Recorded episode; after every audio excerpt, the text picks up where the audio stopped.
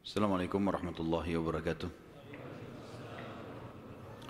Alhamdulillah, selalu kita memuji Allah subhanahu wa ta'ala. Zat yang paling pantas untuk dipuji, dicintai, dihormati dan ditunduki. Karena memang kata kuncinya, La ilaha illallah, La ma'buda bihaqqin illallah. Tidak ada Tuhan yang berhak disembah di langit dan di bumi kecuali Allah. Dan dia telah menggantungkan segala kebutuhan kita yang kita butuhkan untuk roda kehidupan di muka bumi dengan memuji namanya Alhamdulillah. Maka sangat wajar kalau kita selalu mengucapkan kalimat yang mulia ini.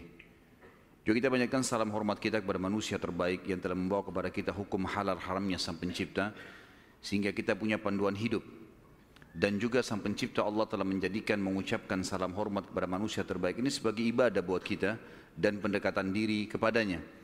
Juga dari sisi yang lain sang pencipta Allah bersama malaikatnya mengucapkan salam hormat kepada manusia terbaik ini maka sangat wajar kalau kita selalu mengucapkan salawat dan taslim kepada Nabi besar Muhammad sallallahu alaihi wasallam.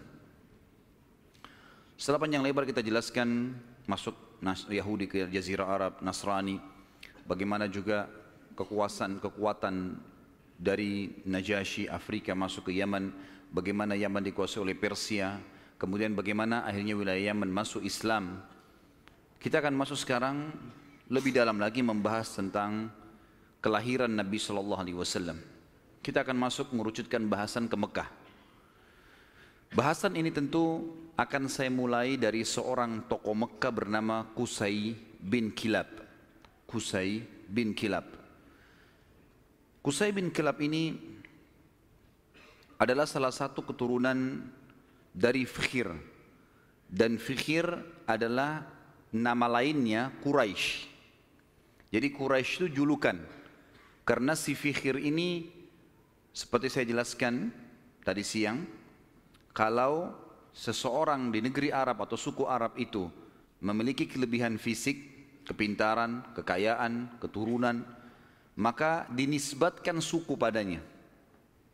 Kebetulan dari turunan Ismail alaihissalam di Mekah dan turunan suku Jurhum, ada satu orang yang sangat menonjol bernama Fikhir dan Fikhir ini karena dia menonjol maka diberikanlah nama lainnya Quraisy. Dinisbatkanlah suku Mekah namanya Quraisy. Salah satu turunan Fikhir ini yang merupakan turunan Ismail alaihissalam dan turunan suku Jurhum adalah Qusay bin Kilab. Kalau teman-teman masih ingat di pertemuan kita pada bulan yang lalu, saya pernah menekankan tentang kisah Mekah awalnya dihuni oleh suku Jurhum yang hijrah dari Yaman. Kemudian tinggal bersama Hajar dan Ismail alaihi wassalam. Berjalan bertahun-tahun sampai Ibrahim dan Ismail alaihi wassalam meninggal dunia datang satu suku Arab yang ingin merebut Mekah dan berhasil namanya suku Khuza'ah. Masih ingat ya? Tidak ada suara, senyap. Berarti memang lupa semua. Jadi suku Khuza ini datang merebut dan salah satu pimpinan Khuza Amr bin Luhai yang memasukkan patung di Jazirah Arab di Mekah gitu kan. Suku Khuza ini berkuasa di Mekah sampai 500 tahun.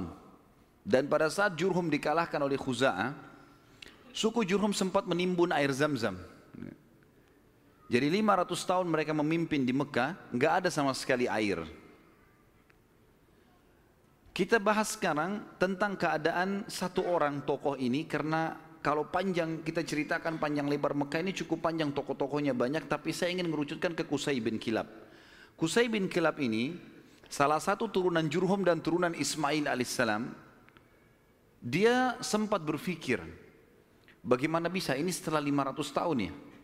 Bagaimana bisa Mekah ini yang tadinya dikuasai oleh suku dia Jurhum dan juga kakeknya Ismail alaihissalam direbut oleh Khuza'ah. Walaupun di Mekah itu suku Khuza'ah sama suku Jurhum sudah berbaur ya. Karena sudah terlalu lama ratusan tahun akhirnya mereka berbaur satu sama yang lain. Tetapi tetap kekuasaan kerajaan di bawah kekuasaan Khuza'ah. Qusay bin Kilab lalu memperbaiki keadaan ekonominya. Dia berbisnis, dia berdagang sampai Allah membukakan kekayaan yang sangat banyak. Pada saat itu teman-teman sekalian, Raja Mekah dari suku Huza bernama Hulail. Hulail ini memiliki seorang anak wanita, anak tertuanya, terkenal dengan kecantikannya, anak raja. Kusai bin Kilab datang dan melamar. Dan pada saat itu, dia orang kaya raya, dia punya kedudukan, dihormati di Mekah. Oleh Hulail diterima lamarannya. Selama ini, kalau suku Jurhum mau melamar uh, suku Khuza'ah selalu ditolak umumnya. Karena memang ada persaingan dari dulu gitu kan. Mereka berbaur saling transaksi, kalau berdagang, bertetangga, tapi pernikahan tidak. Pertama kalinya dari suku Jurhum diterima lamarannya. Itu adalah Kusai bin Kilab. Oleh Hulail, kepala suku sekaligus raja, kepala suku Khuza'ah sekaligus raja Mekah. Pada saat dia menikah dengan anaknya Hulail, Qusay ini menunjukkan yang terbaik, ya. Dia patuh, dia bantu mertuanya dan seterusnya sampai mertuanya meninggal. Waktu mertuanya meninggal, Qusay menjalankan misinya. Dia lalu mengiklankan dan menobatkan diri menjadi raja Mekah pengganti mertuanya. Orang-orang yang dari suku Khuza'ah menolak Bagaimana bisa kau jadi raja? Raja jelas dari Khuza'ah. Kamu dari Jurhum. Enggak boleh gitu. Maka pada saat itu terjadi perseteruan. Sampai akhirnya Kusai meminta pertolongan dari orang-orang sesuku dengan dia dari Jurhum dan Khuza'ah juga berkumpul akhirnya terbentuk dua pasukan dan terjadi peperangan besar di Mekah. Pertumpahan darah yang sangat besar dan banyak sekali korban pada saat itu.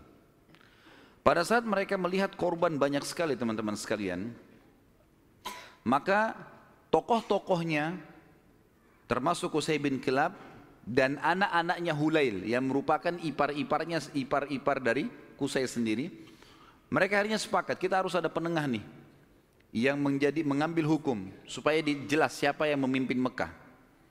Maka mereka akhirnya sepakat menunjuk satu orang yang dituakan di Mekah pada saat itu dan memang umurnya sudah sangat tua orang ini namanya Ya'mur bin Auf. Ya'mur bin Auf dia ditunjuk oleh orang-orang Quraisy dari Jurhum dan juga ditunjuk oleh orang-orang Ghuza'ah nunjuk dan diambillah sumpah atas nama Allah apa pun keputusan Ya'mur harus diterima. Baiklah. Ya'mur pada saat itu umurnya 120 tahun, orang yang sangat tua dan dituakan sekali, dihormati. Datang lalu mendudukkan Kusai dan anak-anaknya Hulail. Lalu mulailah ditanya oleh Ya'mur, Wahai Kusai, apa alasan anda membentuk pasukan mau merebut Mekah dari keturunan mertua anda ini? Apa sebabnya?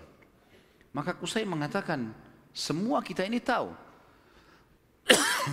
Kisah Mekah ini berawal dari kakek saya yang bernama Ismail. Dan Ismail seorang nabi. Ismail menikahi suku Jurhum, anak kepala suku Jurhum, dan itu turunan kami. Kami yang membentuk komunitas di Mekah, kami yang membentuk ekonominya, kami yang membangun Ka'bah, kami yang yang yang yang semuanya disebutkan. Sementara Kusai menyebutkan ini, anak-anaknya Hulail dari suku Khuza'ah nggak bisa ngomong apa-apa. Karena memang semuanya betul. Memang tidak ada. Khuza'ah ditanya, lalu kalian punya apa? Enggak ada. tidak ada andilnya di Mekah. Cuma datang pasukan dari luar menyerang Mekah, kemudian langsung menguasai. Enggak ada andil sama sekali. Tiba-tiba pada saat itu Ya'mur mengambil sebuah keputusan mengatakan keputusan yang mutlak seluruh Mekah kerajaannya, kekuasaannya, pengurusan jemaah hajinya, pengurusan Ka'bahnya, ya. semuanya untuk Qusay bin Kilab. Maka dengan keputusan ini teman-teman sekalian, Qusay bin Kilab menjadi Raja Mekah. Menjadi Raja Mekah. Dan pada saat itulah kerajaan yang sudah hilang 500 tahun dari keturunan Jurhum kembali. Pada saat itu Kusai melakukan banyak sekali perkembangan di Mekah di antaranya dia membangun sebuah tempat namanya Darun Nadwa.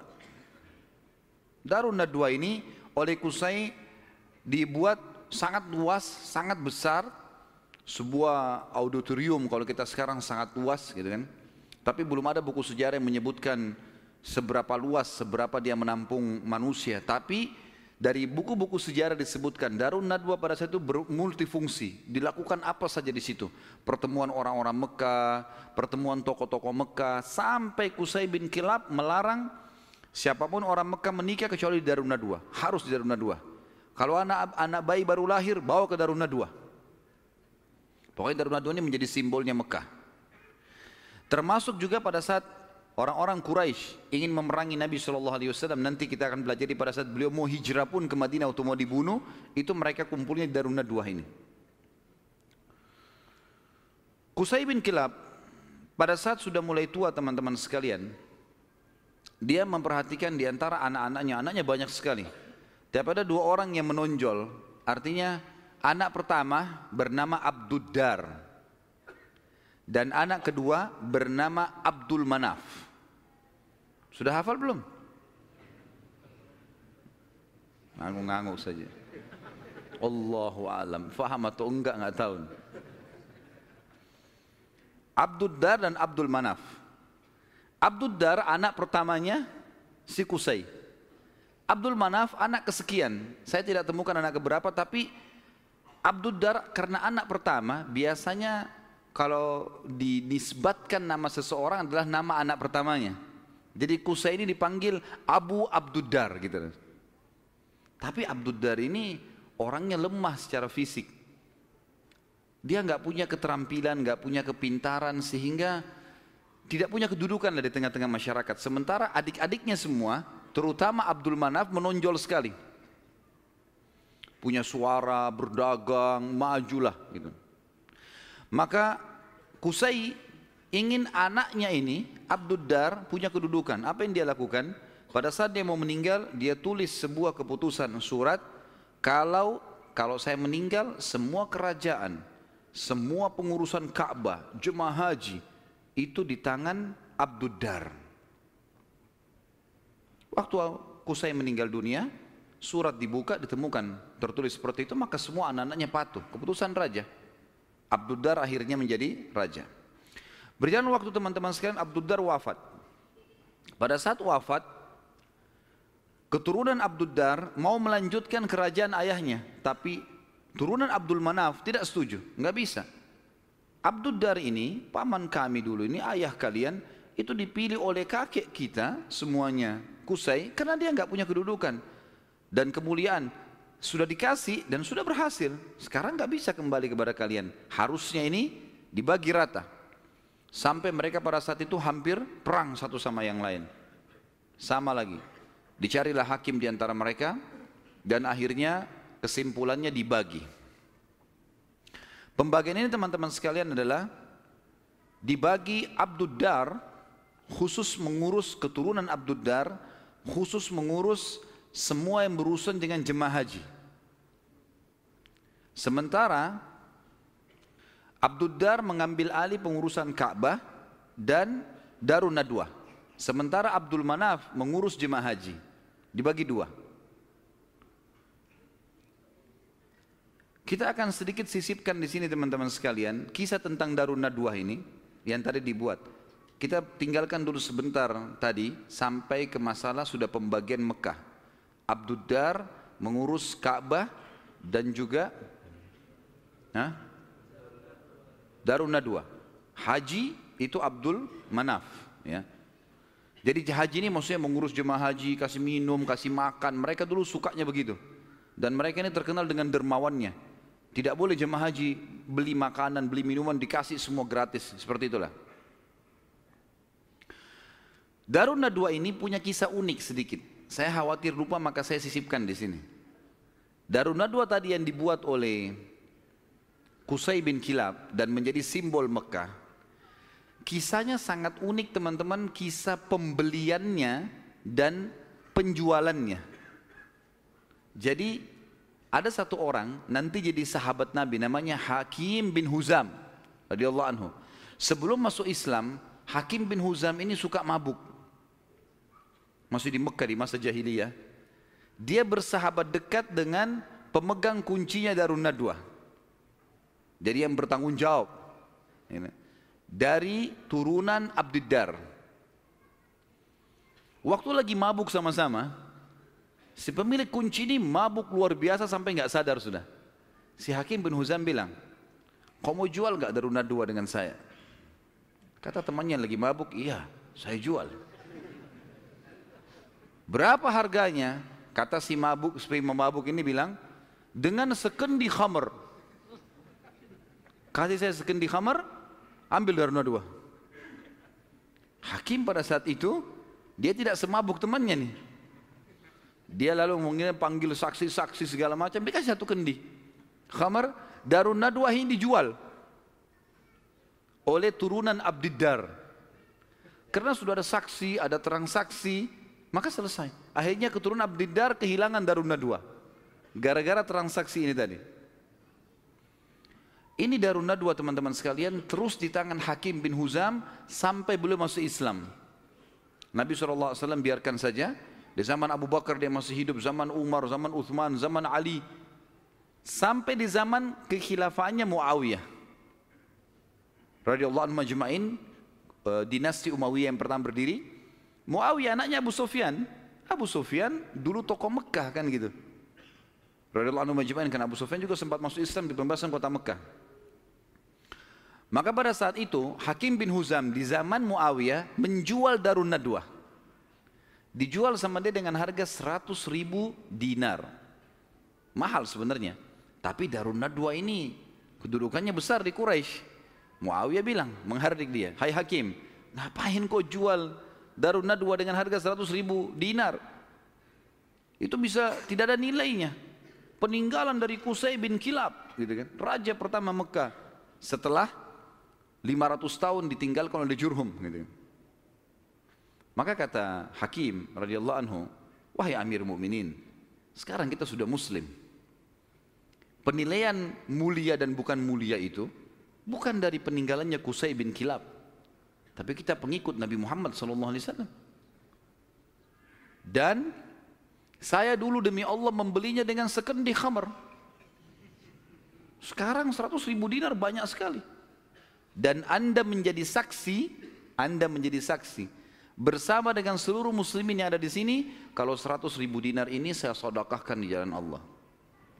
Kisahnya begitu. Jadi kisah Darun Nadwa karena tadi kita sempat singgung ada proses pembelian lepas dari tangan keturunan Abdiddar dan bagaimana proses penjualannya setelah itu.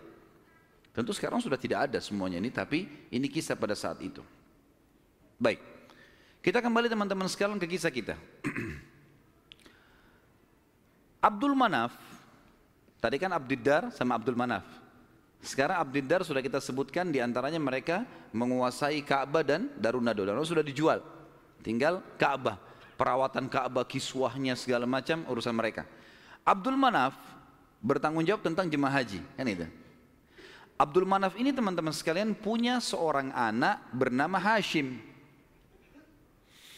Hashim ini punya anak bernama Syaibah. Garis bawahi nama Syaibah ini. Tadi sudah makan siang belum ini? Banyak nama yang harus dihafal nih. Kita kerucutkan bahasan tentang Abdul Manaf punya anak namanya Hashim. Hashim punya anak Syaibah. Garis bawah Syaibah ini. Kita akan bahas Syaibah ini. Hashim ini ayahnya Syaibah waktu menikah dengan istrinya, ibunya si Syaibah karena mulianya ini tradisi jahiliyah dulu ya. Karena kedudukan si ibunya Syaibah ini tinggi di sukunya, anak kepala suku, maka Ismah, Ismah itu cerai di tangannya ibunya. Ibunya bisa menceraikan suaminya. Hukum dulu. Berjalan waktu, meninggal Hashim. Syaibah ini ikut sama ibunya ke perkampungan ibunya. Ada satu ya, anaknya atau saudaranya Hashim ya. Saudaranya Hashim ini, jadi Abdul Mana punya beberapa anak, di antaranya Hashim yang punya anak Syaibah, ada juga anaknya yang lain bernama Muttalib anaknya si Abdul Manaf ini. Muttalib ini namanya orang, ya kan? Muttalib ini datang ke perkampungan Syaibah, ibunya Syaibah lalu dia berkata kepada ibunya, ini ayahnya Hashim sudah meninggal. Tapi anak ini keturunan Kusai bin Kilab. Ini turunan raja di Mekah. Jangan ditinggalkan di kampung sini. Ikut ke Mekah dengan saya. Siapa tahu nanti dia punya kedudukan di Mekah.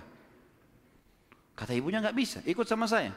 Akhirnya kena cekcok nih, tanda kutip di sini, maka ibunya bilang, ibunya Syaibah bilang, ini uh, kita suruh pilih aja dia. Si Syaibah ini mau ikut siapa? Nanti kalau saya sebutin julukannya Syaibah ini baru antum bilang, oh iya itu orangnya. Kata si ibunya, pilih aja Syaibah suruh milih. Dia mau tinggal sama saya di sini atau ikut sama anda ke Mekah? Lalu Muttalib tanya di depan ibunya, Hai Syaibah, ikut sama saya ke Mekah atau kamu tinggal sama ibumu? Kata Syaibah, saya ikut sama paman saya. Ikut ke Mekah. Maka masuklah, pergilah ke Mekah. Waktu itu Muttalib ini naik unta, dia membonceng di belakangnya Syaibah. Muttalib ini teman-teman dikenal di Mekah suka beli budak. Suka beli budak. Ya. Maka waktu setiap hari dia datang masuk Mekah bawa budak baru. Waktu Syaibah dibonceng oleh pamannya Muttalib ini, orang-orang Mekah kira si Muttalib beli budak baru. Maka mereka bilang, Muttalib baru beli budak di belakangnya Abdul Muttalib. Berarti hambanya si Muttalib nih. Sudah tahu nama Syaibah siapa? Yang antum kenalkan selama ini Abdul Muttalib. Namanya dia Syaibah. Jelas? Baik. Tiga orang yang jawab, nggak apa-apa lah. Nasib, saya sudah teriak-teriak tapi Abdul Muttalib berarti namanya Syaibah. Jadi Abdul Muttalib bukan Muttalib nama Allah ya. Ini nggak ada dalam Asmaul Husna gitu. Tetapi di sini Muttalib nama pamannya. Karena sering beli budak, kemudian dia membawa, membonceng ponakannya, orang-orang Mekah kira ini adalah budak baru. Maka dibilang Abdul Muttalib, hambanya Muttalib. Tapi karena itu sudah menjadi buah bibir di Mekah, akhirnya terkenal dengan Abdul Muttalib. Baik. Abdul Muttalib ini yang tentu kita sudah tahu adalah kakek Nabi Shallallahu Alaihi Wasallam. Kita masuk mengerucutkan bahasan sekarang ke Abdul Muttalib nih si Syaibah. Kita sudah kerucutkan bahasan dari Abdul Manaf, ada anaknya Hashim, Hashim punya anak Syaibah. Syaibah ini Abdul Muttalib. Kita harus kerucutkan begitu supaya nanti ngerucut ke Nabi SAW. Karena kalau melebar akan jalur nasab Quraisy banyak sekali. Abdul Muttalib ini pada saat dia masuk ke Mekah, kemudian dia menikah, Allah karuniakan dia satu orang anak. Anaknya diberi nama Harith. Satu anak dikasih. Waktu Harith sudah mulai bujang, mencapai umur sekitar 17 tahun, Abdul Muttalib ini Syaibah mimpi malam-malam. Dia mendengar suara dalam mimpinya, ihfirit ta, ta, ihfirit tiba. Maksudnya galilah tiba. Tiba itu sesuatu yang baik. Lalu dia bertanya, mat tiba? Apa itu tiba? hilang suara itu. Hari kedua dia mimpi lagi. Dengar lagi suara. Ihfiril barrah. Galilah sesuatu yang baik. Yang bermanfaat. Dia tanya, mal barrah. Apa itu barrah? Yang baik itu apa? Hilang lagi suara itu. Hari ketiga dia mimpi lagi. Ihfiril madmunah. Gali sesuatu yang terjamin dia tanya, mal madmuna, apa itu madmuna? Hilang lagi. Hari keempat, baru dia mimpi dan dia dengar, ihfir zamzam. Galilah zamzam itu. Zamzam ini di zaman itu cuma seperti sebuah histori lama, kenangan. 500 tahun tidak ada sumur zamzam, hilang. Jadi selama Khuza'ah berkuasa teman-teman sekalian di Mekah, mereka selalu mendatangkan air dari luar. Beli mahal, dari luar Mekah, sumur-sumur di luar Mekah. Abdul Muttalib ini pernah dengar kalimat Zamzam. Penasaran dia. Terus dia tanya dalam dalam mimpi dia tanya, "Mas Zamzam, apa itu Zamzam?" Lalu keluarlah suara itu mengatakan dan dia dengar pada saat itu ya. Kalau dalam buku-buku sejarah disebutkan, "La tanzifu abada." sesuatu yang tidak akan pernah rusak. Wala tarum juga ya, sesuatu yang selalu bersih dan tidak akan pernah rusak. Taskil hajijal a'zam. Engkau akan memberikan dengannya air para jemaah haji. Dikatakan wahia bainar rafthi wad. Tempatnya air zam-zam itu berada di antara rafath. Rafath itu bisa berarti busanya darah atau memang darah yang bercampur eh, apa namanya? busa yang bercampur dengan darah atau memang busa air biasanya. Jadi dikatakan sini ciri-cirinya adalah su, tempat zam-zam itu ada darah yang bercampur dengan rafat dengan busa kemudian bercampur sama tanah. Lalu dikatakan lagi dalam mimpinya, Inda nakratil gurabil a'sam di, ba, di atas eh, di bawah patokannya burung gagak yang memiliki warna keputih-putihan. Indal inda qaryatin naml di atas atau di sekitar sarang semut. Seperti itu dalam mimpinya. Maka Abdul Muttalib bangun pagi-pagi penasaran dia dengan mimpi ini. Dan dia tahu mimpi ini gak mungkin main-main. Tiga hari, empat hari berturut-turut Kemudian dia disuruh gali, dia bawa cangkulnya. Datang di sekitar Ka'bah. Dia cuma tebak saja kemungkinan dekat Ka'bah nih. Karena tidak ada tempat yang lebih agung di Mekah daripada Ka'bah. Dia datang dekat Ka'bah. Dan kalau masih ingat dulu, pada pertemuan kita di bulan yang lalu, ada penjelasan tentang dua patung yang disembah di Mekah. Isaf dan... Hah, siapa yang ingat? Kalau lupa saya nggak datang lagi balik papan. Isaf dan Na'ilah. Isaf kan nama laki-laki, Naila nama perempuan. Yang dulu mereka saling suka, akhirnya mereka berzina depan Ka'bah dan dikutuk menjadi patung. Kan dulu waktu sebelum Amr bin Luhai datang ke Mekah, patung Isaf ditaruh di gunung Safa, patung Naila ditaruh di gunung Marwa untuk peringatan bagi orang-orang. Nih, hati-hati kalau berzina depan Ka'bah dikutuk begini nih, gitu. Tapi oleh Amr bin Luhai yang membawa patung masuk ke Jazirah Arab, dia angkat patung Isaf dan Naila dipindahin dekat Ka'bah disuruh orang Mekah sembah. Tapi orang sudah lupa sejarahnya karena kejadian Isaf dan Naila dikutuk ini jauh sebelum Amr bin Luhai. Ringkas cerita, di depan Ka'bah antara Hajar Aswad dengan Hijir Ismail itu ada patung Isaf dan Naila. Ada satu suku Arab teman-teman sekalian datang ke situ antara Isaf dan Naila nyembeli sapi. Tiba-tiba pada saat Abdul Muttalib lagi duduk, lagi memperhatikan ke arah Ka'bah di antara Isaf dan Naila, kemudian ada orang yang beli sapi. Waktu disembeli, darahnya ngucur. Darah itu berbusa. Dan karena dia ngucur, jalan sampai berada di sekitar Isaf dan Naila. Ya kurang lebih jangan kita jangan dibayangkan ini Ka'bah, ini Hajar Aswad dan ini Hijr Ismail. Isaf dan Naila itu ditaruh cukup jauh ya agak berjarak antara Isa antara Hajar Aswad jauh ke belakang dengan Hijr Ismail juga jauh. Jadi di kiri kanan ya. Tempat itu sangat luas. Jadi uh, jangan difahami tadi ini misalnya Ka'bah kemudian di sini posisinya, tapi agak jauh di kiri kanan. Maka pada saat itu darah ini mengucur dari patung Isaf itu menuju ke tempat di tengah-tengah di situ. Pada saat itu di tengah-tengah. HP-nya siapa nih? Pada saat itu patungnya maaf darahnya ngalir kemudian darah itu ngalir menuju ke tengah-tengah uh, uh, antara Isab dan Naila ini dan ada seperti tempat agak turun di lembah Mekah kan waktu itu masih pasir lalu darah itu berkumpul di situ jadi akhirnya darah sama pasir bercampur Abdul Muttalib lihat ini isyarat pertama nih mimpinya kan tadi darah yang mengalir berbusa yang bercampur dengan tanah gitu kan lalu kemudian dia dekatin tempat itu darah yang berkumpul itu. Dia temukan tiba-tiba ada burung gagak yang berwarna hitam. Burung gagak biasanya warna hitam ya. Tapi kalau ada burung gagak yang di bagian sayapnya itu ada beberapa bulu warna putih namanya a'sam dalam bahasa Arab. Gurabil a'sam. Maka dia lihat ada burung gagak. Burung gagak ini mengepakin sayapnya dan mematuk-matuk di atas sekitar darah itu. Dia lihat isyarat yang kedua. Isyarat yang ketiga adalah di situ ada sarangnya semut.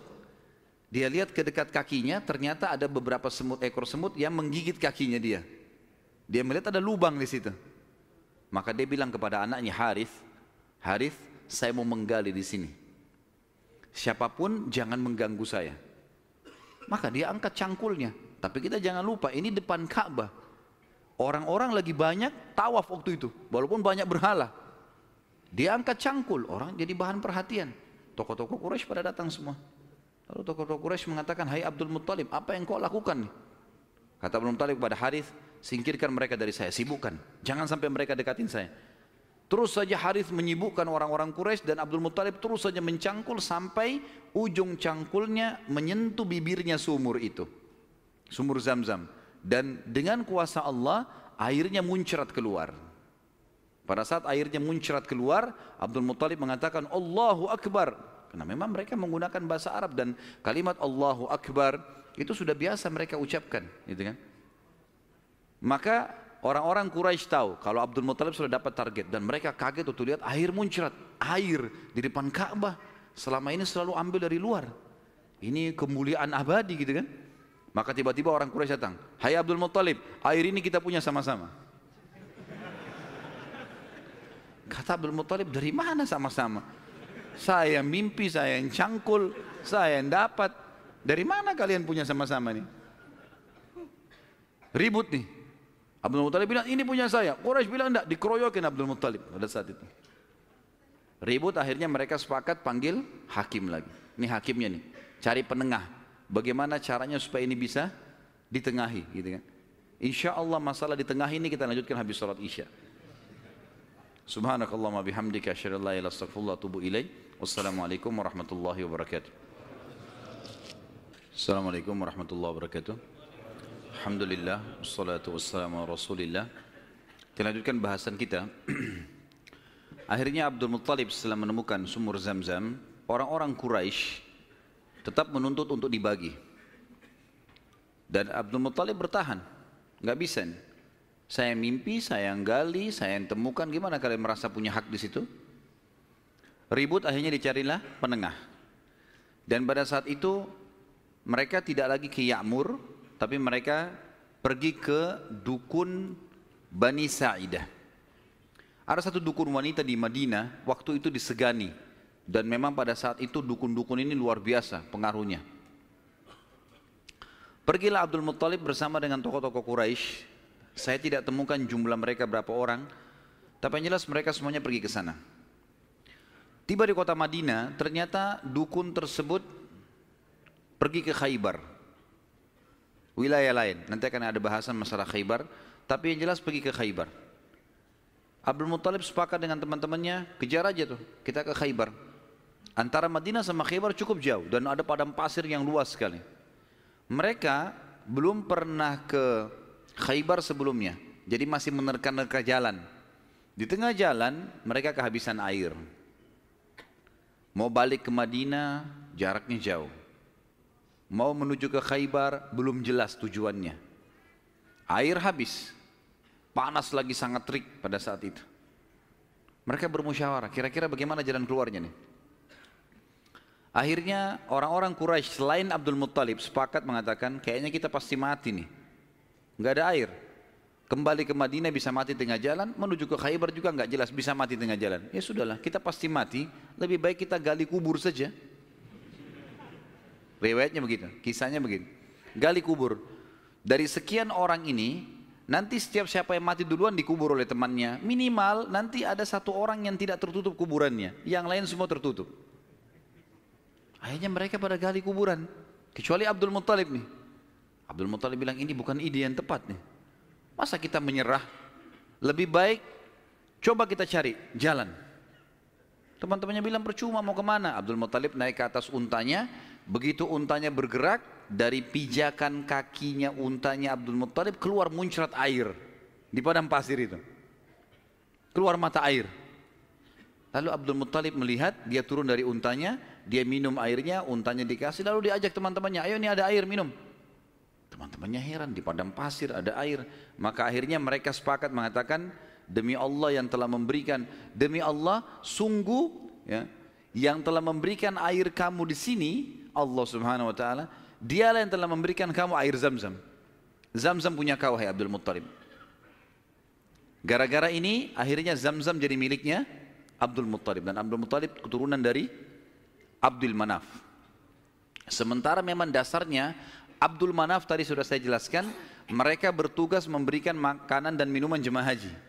Sehingga sekarang mereka tidak perlu lagi mengambil air dari luar, tapi mereka sudah punya mata air zam-zam. Dan sebagian ahli sejarah menanggapi mengatakan, Allah yang maha tinggi dan maha pemurah memudahkan mata air zam-zam ditemukan kembali Abdul Muttalib karena memang suku ini dari turunan Abdul Manaf bertugas untuk memberikan minum dan makan jemaah haji. Maka karena itu Allah subhanahu wa ta'ala kasih. Makanya tadi dalam salah satu perkataan dan pernyataan dalam mimpi, Taski hajijil a'zam. Engkau akan memberikan minum jemaah haji yang banyak gitu kan. Jadi bukan karena Abdul Muttalibnya, tapi karena memang waktu itu diberikan untuk jemaah haji umumnya. Baik, baliklah Abdul Muttalib ke Mekah dan akhirnya pada saat itu Abdul Muttalib dinobatkan secara tidak langsung sebagai Raja Mekah. Kenapa saya katakan tidak langsung? Karena pada saat itu Quraisy sepakat di Mekah itu semua kepala suku bisa memimpin. Bisa memimpin. Tidak harus fokus ke Abdul uh, turunan Abdul Manaf atau Abdul Mana, uh, Abdul uh, atau Abdul Dar. Tapi mereka Abdul Manaf Abdul Dar ini mereka yang memegang Ka'bah memegang uh, apa namanya urusan haji dan uh, jemaah haji minum dan makannya ini.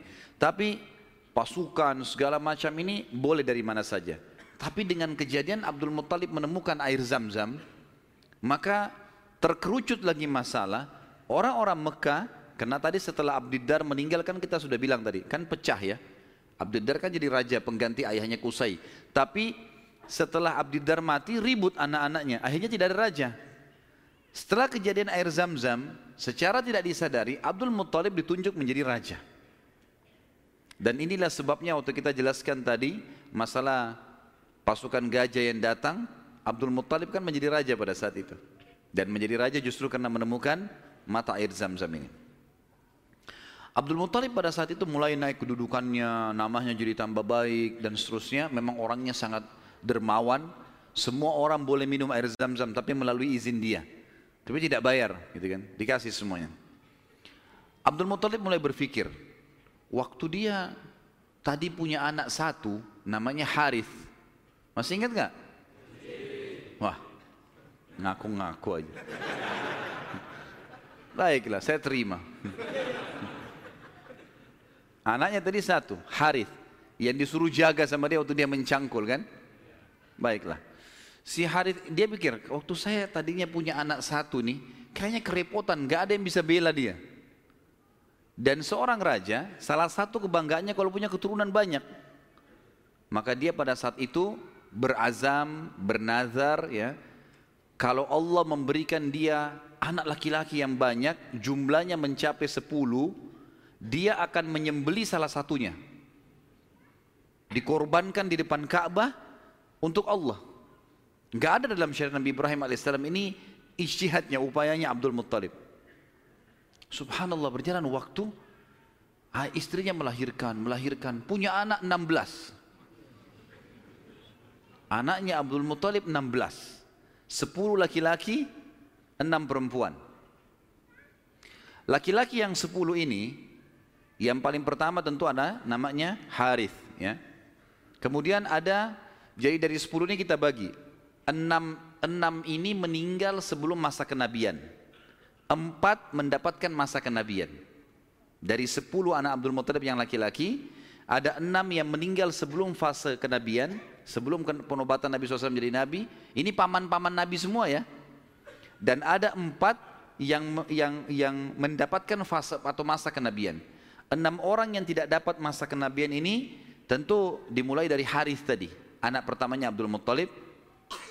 Kemudian tentu ada juga ada beberapa nama ya, saya sebutkan Harith, Dirar, Hijir, Muqaddam, Zubair. Dan yang keenam Abdullah, ayahnya Nabi SAW.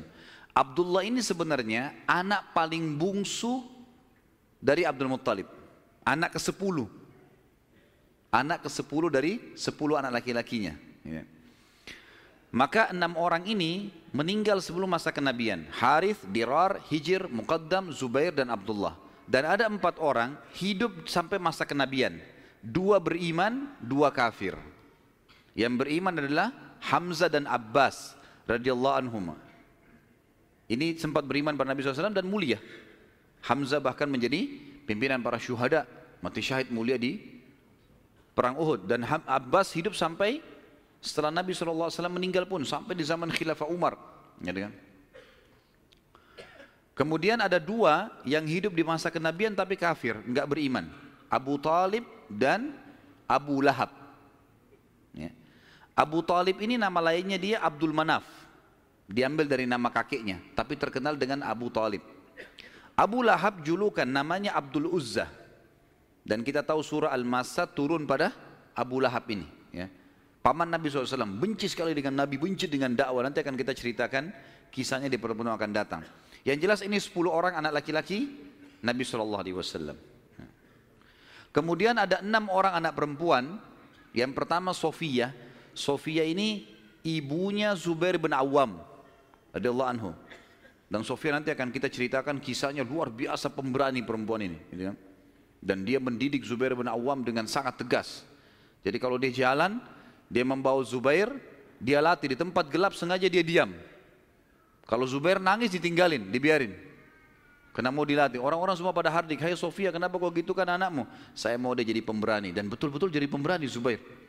Zubair itu di peperangan-peperangannya kalau teman-teman ikuti ceramah saya di YouTube ada serial sahabat di antara Zubair bin Awam itu luar biasa. Kalau pasukan lagi berhadapan, dia dia dia maju ke depan musuh. Jadi musuh di depan ini, kemudian dia di depannya. Tunggu takbir di belakang, dia serang duluan sendirian. Luar biasa beraninya, radhiyallahu anhu. Ibunya namanya Sofia, tante Nabi SAW. Dan ini sempat masuk Islam di tangan Nabi SAW. Kemudian ada Ummu Hakim, ada Atiqah, ada Umaymah, ada arwah dan bar. Kita masuk sekarang ke masalah kembali ke mana Abdul Muttalib. Abdul Muttalib ini anak terakhirnya yang ke-10 adalah Abdullah. Dan itu ayah Nabi SAW. Abdul Muttalib kan tadi sudah saya bilang dia nazar kalau punya 10 anak laki-laki dia akan korbankan salah satunya kan. Lalu dia datang ke dukun di Mekah dan dia berkata pada dukun itu, acaklah nama anak-anak saya. Tradisi mereka pada saat itu suka sekali mengundi nasib. Kalau di dalam agama kita disebutkan tradisi mereka namanya tatayur, menggandun nasib sama benda atau sama burung. Orang-orang Arab itu kalau e, orang Quraisy dulu, mereka kalau mau safar, mereka ambil bulu, kemudian mereka tulis safar. Bulu yang kedua tidak safar, bulu ketiga kosong. Dimasukin dalam kotak, kemudian dia ambil salah satunya tidak sambil, sambil tidak dilihat. Kalau keluar kata-kata safar, dia yakin di perjalanannya aman. Tradisi jahiliyah, mereka salah pada saat itu tentunya. Kemudian kalau keluar tidak safar, mereka tidak boleh safar. Kalau mereka safar berarti kena musibah. Kalau keluar bulu yang tidak ada tulisannya, maka dia ulangi. Ada cara yang lain sampai dapat safar atau tidak safar ya. Kalau ada tradisi yang lain adalah kalau mengacak nama, maka mereka menulis nama di batu, Lalu batu ini dibalik, kemudian ditaruh lalu diacak, dikeluarkanlah. Kalau mereka butuh sesuatu dengan cara seperti itu. Ya. Dan ini ditarik dalam hampir setiap kehidupan mereka mau beli rumah, mau apa saja selalu ditulis di batu terus diacak di batu itu mungkin dinasib dengan itu. Abdullah eh, Abdul Muttalib datang kepada satu dukun mengatakan tulis nama anak-anak saya laki-laki ini semua dari Harith sampai Abdullah. Tulis semuanya 10 orang, acak Siapa yang keluar namanya itu yang saya korbankan. Dan kalau nama Abdullah selamat tidak keluar, maka saya langsung eksekusi. Karena Abdullah anak paling bungsu dan paling disayang oleh ayahnya Abdul Muttalib. Seperti itulah. Baik diacaklah batu ini, diambil batu, keluar namanya Abdullah. Abdul Muttalib berat sebenarnya. Ini anak paling bungsu disayang. Musyawarah sama anak-anaknya gimana? Enggak apa-apa ya, acak aja lagi. Acak lagi, yang kedua kali namanya Abdullah lagi. Sampai tiga kali. Namanya Abdullah terus yang diambil, keluar. Padahal ini batu diacak 10 nama. Kata Abdul Muttalib berarti sudah memang anak ini nasibnya. Bawa. Bawa Abdullah. Dibawalah Abdullah ini ke depan Ka'bah, ditaruh di atas sebuah batu. Biasanya mereka taruh di situ sembelihan taruh kambing, taruh apa dipegang di atas batu itu baru mereka sembeli untuk berhala-berhala gitu kan. Ditaruhlah Abdullah, mau disembeli sama dia. Ikat tangannya, ikat kakinya, angkat pedang, mau disembeli. Orang-orang Quraisy lihat. Apalagi yang Abdul Muttalib buat nih. Datang tanya, hai Abdul Muttalib, apa yang kau lakukan? Saya sudah nazar, kalau Allah kasih saya 10 anak, saya sembeli salah satunya. Dan saya sudah acak nama-nama anak-anak saya yang keluar anak ini. Saya mau jalankan nazar saya. Orang-orang Quraisy bilang, nggak bisa, jangan. Mereka berusaha tahan. Akhirnya Abdullah ini ditarik-tarik. Ini.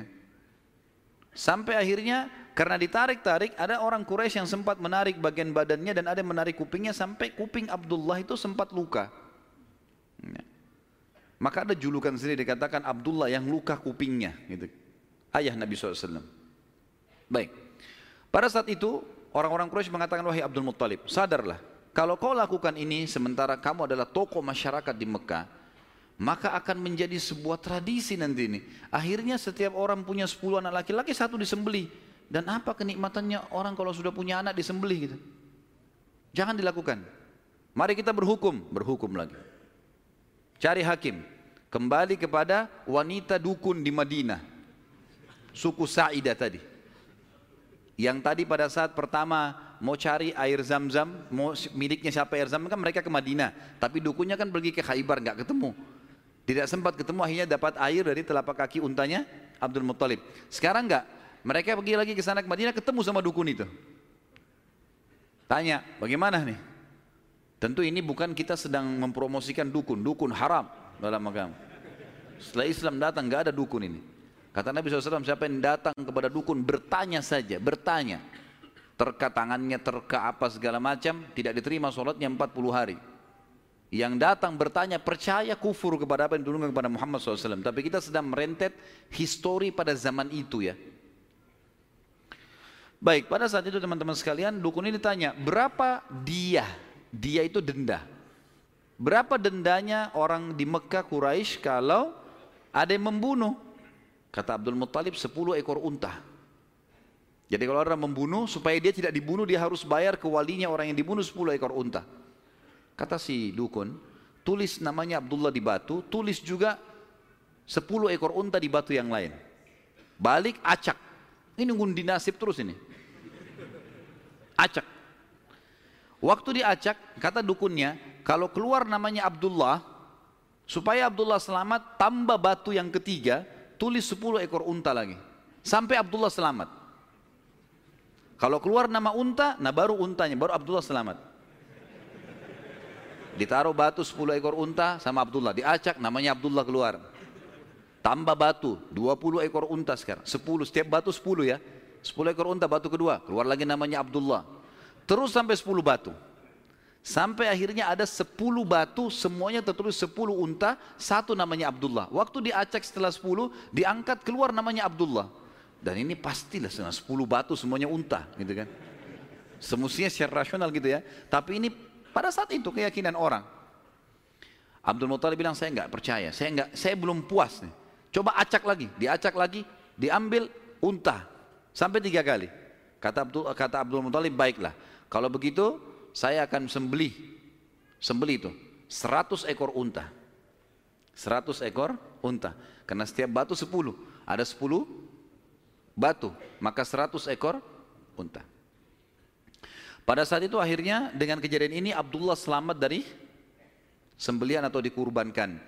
Dan Nabi SAW berkata dalam sebuah hadis, Ana ibnu Zabihain saya keturunan dari dua orang yang hampir disembelih. Ismail alaihissalam oleh ayahnya Ibrahim dan Abdullah oleh ayahnya Abdul Muttalib. Baik. Berjalan waktu teman-teman sekalian, Abdullah tumbuh besar dan mulai menjadi seorang pemuda yang cerdas, yang pintar, membantu ayahnya. Maka oleh Abdul Muttalib dinikahkan dan dinikahkan oleh seorang wanita yang bernama Aminah dan Aminah dari turunan Abdul Manaf juga. Jadi satu jalur. Masih sepupu dengan Abdullah. Hanya saja dari Aminah ini dari paman-pamannya Aminah itu dari penduduk asli Madinah, dari Aus dan Khazraj, dari suku Ansar di Madinah. Maka Nabi SAW di sini memiliki jalur dari dua kota suci, Mekah dan Madinah. Pada saat sudah selesai melahirkan, baru uh, maaf, baru uh, menikah, beberapa hari kemudian ada tanda-tanda kehamilan di Aminah. Kemudian Aminah pun sempat melihat di dalam mimpinya pada saat akan melahirkan atau pada saat hamil besar, melihat dalam mimpinya ia bermimpi bayi dalam kandungannya ini menyebarkan cahaya dan cahaya itu menyebar ke seluruh muka bumi. Sebagian athar menyebutkan sampai ke Busra. Busra ini wilayah Irak sana, wilayah Persia gitu. Dan dia juga mimpi mengucapkan dalam mimpinya kalimat U'idhuhu billahil azim min kulli syarrin wa min kulli ainin wa min kulli hasid. Wa min kulli hasid. Tidak ada kata-kata ainnya.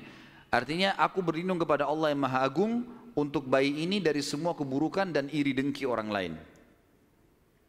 Berjalanlah hamil tersebut pada saat berumur beberapa bulan. Ada sebagian ahli sejarah menyebutkan sekitar enam bulan hamilnya Aminah di Nabi SAW dalam kandungan beliau, maka meninggallah Abdullah. Maka Nabi SAW jadi yatim sebelum lahir. Ya. Setelah itu Nabi SAW lahir yang paling banyak dinukil oleh para di sejarah 12 Rabiul Awal di tahun gajah.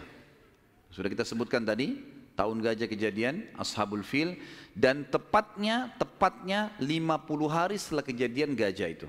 Penghancuran gajah 50 harinya di situlah lahir Nabi sallallahu alaihi wasallam ada yang perlu kita sebutkan teman-teman sekalian walaupun sebenarnya menyebutkan ini bukan berarti uh, Nabi SAW membutuhkannya. Tidak sama sekali.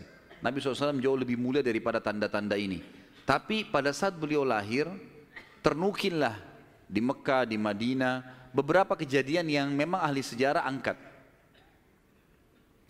Yang pertama, kejadian yang unik pada saat Nabi SAW lahir adalah terlihatnya bintang Ahmad namanya. Apa itu bintang Ahmad? Orang-orang Yahudi yang ada di Madinah itu meyakini kalau nabi terakhir yang mereka tunggu di Madinah keluar itu kalau mereka kalau dia lahir akan kelihatan bintang yang mereka istilahkan dengan bintang Ahmad. Dan mereka mengukir-ngukir bintang itu sesuai dengan keterangan dari Taurat. Seperti itulah pemahamannya. Pada saat itu Allahu alam tentang masalah kebenaran masalah bintang ini. Tapi yang jelas eh, kebenaran bintang itu bisa dipercaya atau tidak? Karena kita dalam Islam tahunya bintang nggak boleh dipercaya gitu kan? Tapi ini pada saat itu dinukil dinukil oleh Hasan ibn Thabit radhiyallahu anhu penyair Nabi sallallahu alaihi wasallam. Kebetulan umurnya dia beda tujuh tahun dengan Nabi SAW. Beliau mengatakan setelah masuk Islam, setelah Nabi SAW hijrah ke Madinah, beliau mengatakan pada hari Nabi SAW lahir, aku kebetulan berada di salah satu benteng Yahudi dan naiklah di malam hari kebetulan Salah satu pendeta Yahudi lalu teriak dengan suara keras, Wahai Yahudi, hai sekalian kaum Yahudi, sungguh telah terlihat pada malam ini bintangnya Ahmad dan tidak terlihat kecuali pada saat ia lahir. Dan menurut Hasan ibn Thabit radhiallahu anhu, memang umurnya beda tujuh tahun dengan Nabi SAW dan pada hari itu memang hari kelahiran baginda Nabi SAW. Yang kedua, dinukil oleh para ulama tentang masalah kejadian-kejadian unik adalah Nabi SAW pada saat lagi uh, Aminah melahirkan, maka dikatakan melahirkan tanpa ada rasa kesulitan sedikit pun. Jadi sangat mudah.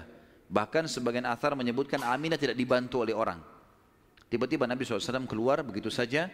Dan yang ketiga, pada saat lahir, maka Nabi SAW dalam kondisi mengangkat kepalanya ke langit. Seakan-akan orang yang sedang berdoa. Yang keempat Nabi SAW lahir dalam kondisi tidak terhit, eh, sudah terhitan. sudah terhitan. Yang kelima Nabi SAW lahir juga tanpa terbebani lagi dengan sisa tali pusar. Udah nggak ada. Lahir sudah terhitan, ya, lahir sudah tidak ada tali pusarnya. Sampai poin di sini, sampai poin kelima ini, maaf, empat poin ya, karena poin pertama tadi itu kejadian di Madinah. Jadi empat poin ini Aminah melahirkan dengan sangat mudah. Nabi SAW seperti berdoa ke langit, kemudian terhitan, kemudian eh, apa namanya? Tali pusarnya sudah terlepas. Maka Abdul Muttalib kakeknya bangga sekali datang, sangat senang pada saat itu dia berkata, sungguh pada cucuku atau anakku ini ada perkara besar. Lalu Abdul Muttalib pun membawa bayi Nabi SAW ke Ka'bah saat baru lahir dan ia yang memberi nama Muhammad. Yang memberi nama Muhammad. Baik. Ada sedikit rahasia masalah nama Muhammad ini. Perlu teman-teman tahu, nama Muhammad sebelum Nabi Muhammad SAW tidak dikenal oleh orang-orang Arab. Gak ada satupun orang Arab bernama Muhammad pada saat itu. Belum ada. Terus dari mana nama ini? Kok Abdul Muttalib bisa berikan nama cucunya? Ada kisahnya. Jauh sebelum lahir Nabi SAW, Abdul Muttalib pernah jalan-jalan ke negeri Syam bersama dengan tiga orang sahabatnya.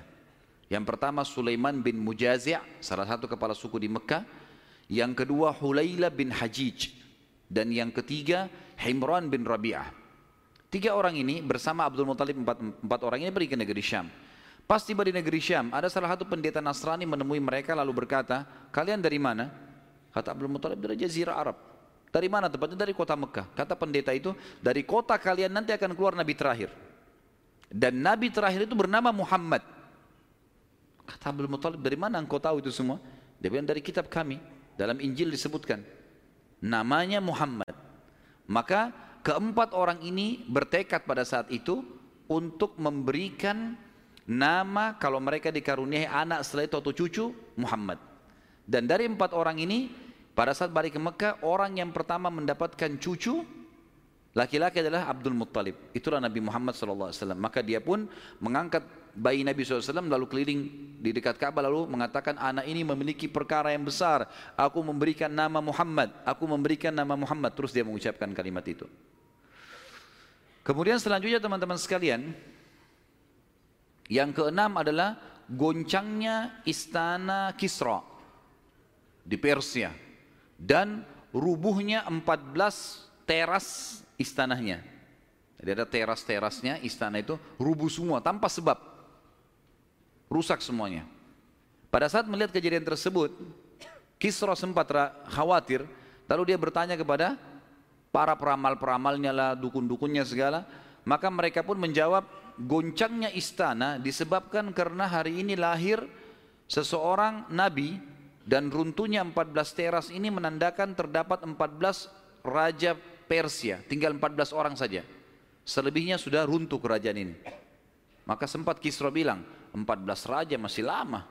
Kalau satu raja punya 1100 tahun umurnya, berarti 1400 tahun. Tapi tanpa disadari oleh Kisra, apalah di sejarah muslim menukil, tanpa membenarkan ramalan ini ya kita bukan membenarkan karena ramalan itu semua kalaupun bertepatan karena mereka mencuri syaitan mencuri berita dari langit bukan karena mereka tahu sebagaimana dijelaskan dalam ada hadis Nabi SAW dan ternyata setelah Kisra yang pada saat Nabi SAW lahir itu ada anak-anaknya berselisih pendapat dan dalam waktu empat tahun saja terjadi penggantian sepuluh orang Kisra mati semua saling membunuh satu sama yang lain Ya, dan puncaknya yang terakhir adalah yang ke-14 meninggal di zaman Umar radhiyallahu anhu. Pada saat Umar menembus wilayah Persia. Yang ketujuh, padamnya api sesembahan kaum Majus. Jadi ada api yang disembah di beberapa titik, beberapa titik di negeri Persia. Jadi mereka buat api besar dan api itu selalu disembah, tiap hari mereka sembah. Pada saat Nabi SAW lahir, api itu tiba-tiba mati. Dan mereka berusaha menyalakan tidak bisa. Selamanya mati. Sampai Persia pada saat itu seluruh Persia yang, yang menyembah api, apinya mati semua, nggak ada. Mereka mau coba nyalakan sampai runtuhnya di zaman Umar bin Khattab, tidak ada api mereka. Tidak bisa lagi mereka nyalakan api untuk disembah ya. Nggak bisa lagi mereka nyalakan. Setiap kali di wilayah Persia dinyalakan api mati, padam. Mereka cuma pakai masak, misalnya di situ padam. Nggak bisa sama sekali. Yang kedelapan, hanyutnya air sungai Sawa. Sungai Sawa ini teman-teman sama dengan sungai Gangga sekarang di India. Di, di kultus dianggap ini sungai apalah keramat lah dan seterusnya gitu kan maka orang-orang Persia meyakini sungai Sawa ini adalah sesuatu yang luar biasa kalau ada yang mati mereka bakar lalu mereka lempar debunya di situ airnya diambil dianggap suci apalah segala macam Subhanallah karena air, sungai ini selalu ditaruh tumbal segala macam. Waktu Nabi SAW lahir, air sungai ini hilang. Nggak ada airnya sama sekali, kering. Sampai sungai sawah dilupain udah, nggak ada lagi sungai. Namanya memang sungai sawah. Ya, gitu. Yang kesembilan, dan ini agak sedikit kita titik beratkan adalah kisah Halimah As-Sa'diyah. Tradisi orang Arab dulu teman-teman sekalian, terutama orang-orang Quraisy, setiap bayi lahir selalu dititipkan untuk disusui dan dibesarkan selama dua tahun di luar kota Mekah tepatnya di padang pasir. Ada alasan kenapa mereka titipkan anak-anak mereka ke padang pasir sama orang-orang Badui. Yang pertama, agar bahasa Arab fusha anak-anak mereka terjaga. Apa itu bahasa Arab fusha? Bahasa Arab ada dua macam. Ada bahasa Arab fusha, bahasa yang bahasa aslinya bahasa Arab dan itu Al-Qur'an dalam bahasa fusha. Kalau kita belajar-belajar bahasa Arab di pesantren atau di kampus-kampus, bahasa Arab yang dipakai bahasa Arab Fusha. Dia punya grammar, rapi. Gitu. Ada bahasa Ammiyah, yang kedua, bahasa pasar. Ini bahasanya dialeknya berbeda-beda, Mesir berbeda, Tunis berbeda, Saudi berbeda, dialek bahasa pasarnya berbeda. ini tidak punya grammar, lebih teracak. Ya mungkin kalau dalam bahasa Inggris, bahasa Inggris dari Inggris sendiri, negeri Inggris dengan dari Amerika agak berbeda, grammarnya lebih rapi gitu kan. Tapi kita tidak bahas masalah itu tentunya. Yang jelas orang-orang Quraisy untuk menjaga bahasa Fusha, maka mereka menitipkan anak mereka ke Badui karena orang Badui masih pakai bahasa Fusha. Sementara penduduk asli Mekah pada saat itu sudah sering lulalang jemaah haji. Jemaah haji ini dari berbagai wilayah. Makanya kita temukan bahasa Arab yang kalau tanda kutip ya, yang paling kacau itu bahasa Arabnya orang Mekah sampai hari ini. Karena bercampur baur antara bahasa Arab dengan bahasa Urdu dengan bahasa Indonesia dengan campur-campur. Jadi kalau kita ngomong sama mereka itu nggak jelas kadang-kadang. Memang orang-orang Mekah dikenal begitu karena memang campur baurnya jemaah haji ini. Karena mereka nggak bisa bahasa Arab, mereka pakai bahasanya. Jadi orang sana terpaksa belajar bahasa Persia, belajar bahasa Indonesia, Melayu, belajar macam-macam. Seperti itulah. Nah, dari zaman dulu memang orang-orang Quraisy sudah khawatir dengan itu. Perubahan bahasa. Yang kedua, alasannya kenapa anak-anak mereka dititipkan di padang pasir karena sisi kesehatan. Padahal zaman dulu tidak belum ada seperti kita ya. Masalah kimia-kimia dan segala polusi udara masih belum ada. Tapi orang-orang Quraisy sudah berpikir itu. Anak-anak mereka ditinggalkan di padang pasir untuk menjaga kesehatan tubuh mereka karena makanannya alami gitu kan hewan-hewan yang langsung disembeli, langsung dimakan, susu kambing yang diminum, memang sehat. Dan juga udara, gitu kan. Serta juga eh, orang-orang Badui ini melatih anak-anak mereka hidup uh, untuk hidup susah. Berburulah, uh, membantu orang tuanya, seperti itulah. Nabi SAW pada saat lahir, secara kebetulan Wanita-wanita Badui dari suku Sa'diyah, suku Sa'diyah kebetulan memang terkenal suka menjual jasa susu ini. Banyak ibu-ibu mereka, wanita mereka yang baru melahirkan, air susunya banyak, mereka pun pergi ke ke Mekah atau ke kota-kota lain nawarin jasa. Ada yang mau nggak titipin anaknya dua tahun, kemudian nanti bayar upah gitu. Bisa orang tuanya datang mengunjungi, nanti balik lagi. Pokoknya anak-anak ini dijamin dijaga. Dan suku Sa'diyah ini terkenal suku-suku orang-orang yang amanah. Maka orang tidak ragu nitipan anaknya. Datanglah beberapa wanita dari Sa'diyah, di antaranya Halimah. Halimah Sa'diyah ini bersama dengan suaminya bernama Harith. Mereka sama-sama rame-rame datang, gitu dan kebetulan kehidupan Harith dan Halimah ini pas-pasan, orang miskin lah. Di rumahnya itu bangunan tua, ada seekor unta yang kurus dan ada dua ekor jantan dan betina kambing tapi dua-duanya juga kurus, tidak produktif lagi. Dan Halimah dan Harith punya anak banyak. Mereka hanya mengadu nasib pergi ke Mekah. Saat tiba di Mekah, mereka kelilinglah nawarin jasa. Biasanya kalau sudah datang wanita-wanita ini orang-orang ibu-ibu Mekah pada datang nih tawarin anaknya dan seterusnya. Mereka keliling-keliling semuanya menawarkan diri kepada orang-orang kaya karena akan dibayar. Dan pada saat mereka melewati Nabi SAW mereka menolak. Karena pada saat itu mereka tahunya Nabi SAW tidak memiliki ayah. Abdullah meninggal waktu umur 6 bulan. Siapa yang mau tanggung nih? Abdul Muttalib waktu itu betul Raja Mekah. Tapi Abdul Muttalib ini sibuk membiayai jemaah haji. Ya, dan memang tidak bisa. Intinya orang-orang eh, perempuan-perempuan saat dia tidak mau menerima Nabi SAW. Semua bawa anak, mau pulang ke kampungnya, tinggal Halimah yang tidak dapat. Lalu suaminya bilang, si Harif, hai Halimah, coba seandainya kamu ambil anak yatim itu, siapa tahu baik buat kita. Maka Halimah pun mengatakan baiklah, daripada kita pulang dengan tangan kosong, Lebih baik kita ambil. Subhanallah begitu Halimah pegang Nabi SAW di situ terjadi keberkahan. Waktu datang ke Mekah, Halimah menunggangi keledai, keledainya kurus sekali dan selalu lambat di belakang. Sampai teman-temannya Halimah kayak ngolok-ngolok, "Hai Halimah cepatlah, keledaimu melambatkan kami." Gitu. Dan keledai-keledai yang lain bisa dua orang naikin, keledai Halimah nggak bisa. Jadi Harith selalu megang saja talinya gitu. Waktu dia mengambil Nabi SAW, kejadian aneh yang pertama, yang unik. Bukan aneh, tapi unik ya. Pada saat itu adalah keledainya Halimah tiba-tiba jadi kuat. Dan pada saat Halimah naik, karena tidak bisa dikontrol, maka Harith pun naik. Di atasnya, di keledai ini, dan larinya kencang sekali. Ninggalin teman-temannya. Sampai teman-temannya Halimah bilang, Hai Halimah, itu keledai tadi yang kamu yang kamu pakai ke Mekah. Dia bilang iya, tapi kita nggak bisa ngontrol, ini lari kencang sekali keledainya. Lalu kemudian pada saat tiba di sana, Halimah memiliki tadi saya bilang seekor unta betina yang lemah. Tiba-tiba saja waktu tiba di rumah dilihat untanya gemuk.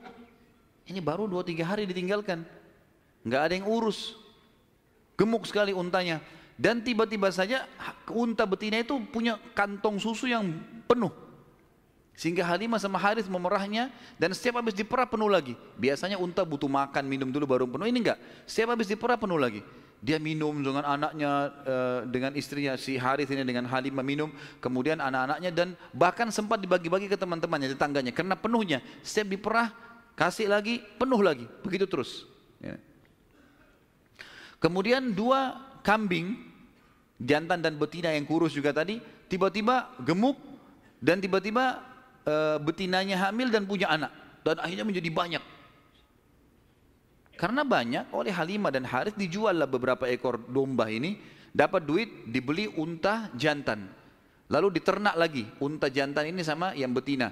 Tiba-tiba saja punyanya Halimah ini domba dan e, domba dan unta ini menjadi banyak sekali dan Halimah serta Harith menjadi orang paling kaya di saat dia. Sampai akhirnya Halimah tidak butuh lagi untuk mengambil anak-anak yang disusui. Berkah luar biasa.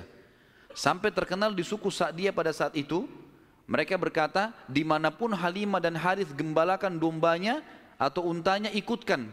Karena pasti gemuk. Dan memang betul, kalau ikut digabungkan berdekatan dengan gembalanya mereka, jadi hebat, jadi bagus, jadi subur. Jadi begitu luar biasa berkahnya. Halimah berkata, didungkel dalam buku-buku sejarah tentunya, Muhammad telah tumbuh tidak alami, bukan seperti anak-anak sebayahnya. Pada saat dia umur dua tahun, perilakunya dan pemahamannya sudah seperti anak enam tahun. Mudah diberikan penjelasan, tidak suka membuat marah, banyak hal-hal gitu. Saat tiba masa pengembalian, sudah umur enam tahun, eh maaf dua tahun, Halimah dan Harith pergi membawa Nabi SAW ke Mekah untuk dikembalikan pada Aminah, tapi mereka memohon-mohon tolonglah hai Aminah biarkanlah tinggal bersama kami. Anak ini kami akan jaga. Lihat sehat Muhammad gak ada masalah. Karena dia mereka lihat berkahnya. Dan kami tidak butuh bayaran gak usah bayar.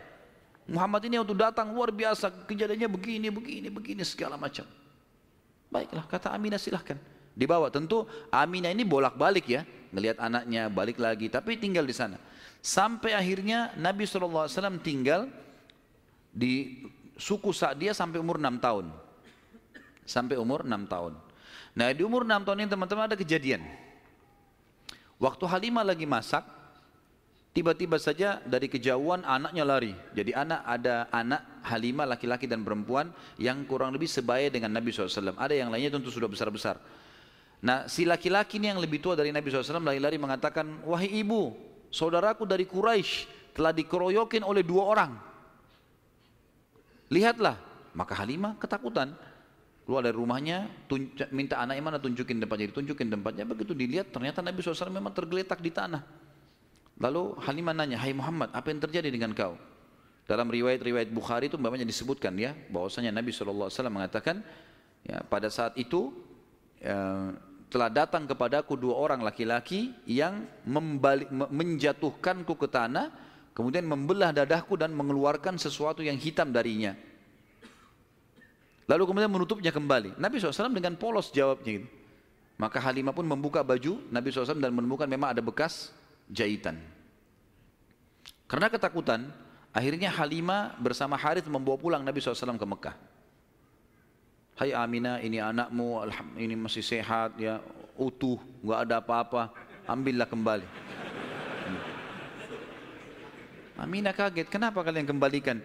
Dulu kalian yang ngotot mau tahan, kenapa sekarang memohon supaya diambil kembali? Kenapa? Akhirnya kena terdesak mereka bilang, ada kejadian begini dan begitu. Lalu Aminah mengatakan, apakah kalian mengatak, mengira bahwasanya anakku ini diganggu oleh syaitan? Tidak mungkin. Karena pada saat aku sedang hamil, aku mimpi ada kalimat yang aku ucapkan, U'idhuhu billahil azim min kulli syarrin wa, wa ainin hasid. Aku berlindung kepada Allah untuk bayi ini dari semua keburukan dan iri dengkinya orang lain. Tapi Halimah dan Haris sudah ketakutan dikembalikanlah Nabi SAW di umur 6 tahun itu. Di umur 6 tahun ini dia kembali ke pangkuan, Nabi SAW kembali ke pangkuan ibunya Aminah, tepatnya beberapa bulan setelah kembali, Aminah mengajak Nabi SAW mengunjungi paman-pamannya Aminah di Madinah. Ya, Nabi SAW umur 6 tahun sudah ke Madinah, gitu kan? Tinggal beberapa hari pada saat pulang menuju ke Mekah, tepatnya di wilayah namanya Rabwah. Rabwah sekarang masih ada wilayah itu tentunya. Mungkin kalau tidak salah sekitar 80 sampai 100 km lah dari kota Mekah. Kalau saya tidak salah tentunya. Ya. Itu uh, Aminah sakit keras dan meninggal di tempat itu dan dikubur di situ. Lalu Nabi SAW dibawa pulang ke Mekah oleh pembantunya Aminah dan diserahkan kepada kakeknya Abdul Muttalib. Dan Abdul Muttalib ini memelihara Nabi SAW dari umur 6 tahun sampai 8 tahun, 2 tahun. Di sini Nabi SAW belajar banyak sekali dari Abdul Muttalib, belajar kepemimpinan. Karena Abdul Muttalib ini pemimpin pada saat itu. Nabi SAW selalu di mana kakeknya di situ dia. Terutama di majlis di Darun Nadwa. Setiap kali duduk selalu dilihat bagaimana dipecahin masalah. Dan Abdul Muttalib ini memiliki sebuah tempat duduk yang tidak boleh ada orang duduk situ termasuk anak-anaknya. Paman-paman Nabi SAW semua tidak boleh duduk. Tapi Nabi SAW setiap hari kalau datang lebih dulu dari kakeknya dia duduk di kursi situ. Umur 8 tahun. Setiap kali paman-pamannya usir dia suruh pindahin karena dianggap anak kecil. Nabi SAW mengeluh sama kakeknya. Ini paman-paman saya larang saya. Maka Abdul Muttalib mengatakan jangan larang anak ini. Biarkan dia duduk di sini. Yang lain tidak boleh kecuali dia. Maka kata ahli sejarah, Nabi SAW belajar banyak sekali hal di antaranya bagaimana dia menjadi tokoh masyarakat. Baru 6 sampai 8 tahun ya. Di umur 8 tahun meninggallah Abdul Muttalib, kakek Nabi sallallahu alaihi wasallam. Kemudian diambil Ali dan dipelihara oleh pamannya Abu Talib. Dan Abu Talib memelihara Nabi sallallahu alaihi wasallam dari umur 8 tahun sampai Nabi sallallahu alaihi wasallam mandiri sebenarnya tinggal serumah dengan Abu Talib sampai menikah sampai umur 25 tahun. Tapi Nabi SAW waktu itu mulai 8 tahun karena Abu Talib ini pamannya orang miskin, maka beliau pun akhirnya e, niat ingin membantu. Abu Talib sering kali dititipkan amanah gembalaan domba oleh masyarakat Mekah, maka Nabi SAW pun mengambil alih dan memelihara domba-domba itu datang ke, ke, ke padang pasir digembalakan dan ini teman-teman sekalian perlu digarisbawahi memang semua nabi-nabi dengan hikmah Allah memang dibuat atau di, di, di awal-awal umur mereka sebelum dinobatkan jadi nabi mengembala domba. Kata Nabi SAW tidak ada seorang nabi pun kecuali menjadi pengembala domba sebelum masa penobatan. Sebagian ulama tentu membahas masalah domba ini karena domba-domba ini hewan-hewan yang lembut. Kalau mereka makan mereka tidak rebutan, artinya mereka mengelompok di badan pasir dan pada saat lagi nunggu gembala orang pengembala ini bisa bertafakur melihat langit luas menunggu berjam-jam. Jadi itu juga ada di antara hikmahnya. Nabi SAW ini mengembala teman-teman sekalian dari umur 8 tahun sampai umur 21 tahun. Mengembala domba ya. Ini umur di mana Nabi SAW pada saat itu mengembala atau menjaga gembalaan ini. Tentu di atas umur 21 tahun baginda Nabi SAW sudah mulai terjun ke bisnis sudah mulai terus meninggalkan gembala domba, kemudian mulai berusaha. Di antara yang dilakukan oleh Nabi Shallallahu Alaihi Wasallam adalah membeli beberapa produk di pasar Ukaz, pasar khasnya orang Mekah. Ya. Kalau yang saya pernah kumpulkan informasi, kalau tidak salah memang lokasinya di pasar Seng dulu itu. Tapi sekarang pasar Sin juga sudah dihancurin ya. Dan teman-teman yang belum pernah ke sana belum tahu, tapi yang sudah berangkat dulu tahu. Di di situ sudah terkenal pasar dari dulu, tapi sekarang sudah diratakan jadi jalanan dan bangunan. Nabi SAW mulai di umur 21 tahun berdagang dan di hari pertama beliau berdagang, beliau mengambil barang-barang kemudian beliau menjualnya. Ada satu orang yang datang membeli dagangan Nabi SAW, membeli dagangan Nabi SAW. Orang ini dari luar Mekah. Dia datang, ini umur Nabi sudah 21 tahun ya, sudah tinggalin gembalaan, sekarang mulai masuk bisnis. Pada saat Nabi SAW transaksi sama orang ini, orang ini mengatakan ini saya bayar cash hai Muhammad, saya titipin barangnya. Setelah tawaf saya akan ambil. Orang ini umroh, gitu kan. Tentu dengan cara umroh pada saat itu ya, mereka menyembah, sambil menyembah berhala dan seterusnya. Ini syariat Nabi Ibrahim yang masih tertinggal. Ternyata orang ini setelah selesai umrah, dia pulang ke kampungnya dia lupa. Kalau dia sudah transaksi dengan seorang masyarakat Mekah bernama Muhammad ini sallallahu alaihi wasallam. Maka orang ini pulang ke kampungnya, tiga hari kemudian baru diingat sama dia. Diingat dia transaksi. Kalau tidak salah bahkan kampungnya orang ini tiga hari dari Mekah. Jadi tiga hari pergi, dia setelah tiga hari perjalanan tiba di kampungnya, tiga hari kemudian baru ingat, sudah enam hari. Tiga hari lagi kembali ke Mekah, sembilan hari. Begitu tiba di Mekah dia buru-buru ke pasar Ukaz, dia kaget melihat Nabi SAW dalam kondisi yang sama. Menjaga barangnya, tidak bergerak di situ terus. Waktu itu belum ada penyumbangan jadi Nabi ya, belum ada syariat, belum ada apa-apa. Lalu orang itu bertanya, Hai Muhammad, apakah kau menunggu dari pertama saya terhadap sama kamu barang ini? Dia bilang iya, karena anda mengatakan suruh tunggu. Gara-gara itu keluar julukan Muhammad Al-Amin. Orang yang paling bisa terpercaya. Ternyata subhanallah kejadian ini membuat satu Mekah tersebar bahkan banyak di wilayah-wilayah sekitar Jazirah terkenal ada orang di Mekah yang bisa dipercaya namanya Muhammad. Akhirnya orang-orang Mekah pada datang mengamanahkan titipan-titipannya dan semenjak itu Nabi SAW menjadi pedagang yang sangat sukses. Salah satu strategi dagang Nabi SAW adalah setiap orang titipin macam-macam. Jadi sekian banyak orang menitip. Termasuk yang menitip sama beliau adalah Khadijah. Seorang pedagang, seorang janda kaya yang memang memiliki harta. Dan Nabi SAW punya strategi dagang. Dagangnya adalah beliau mengambil uh, uang-uang titipan orang di Mekah, lalu ditransaksikan, beli produk Mekah. Apa saja produk Mekah?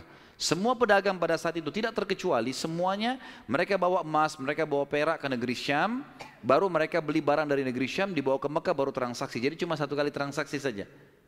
Nabi SAW tidak. Uang itu semua dijadikan barang dari Mekah, dibeli semua barang-barang Mekah, dibawa ke negeri Syam. Barang-barang ini dijual di negeri Syam. Laku, dibelikan barang di negeri Syam, dibawa ke Mekah. Jadi double untungnya.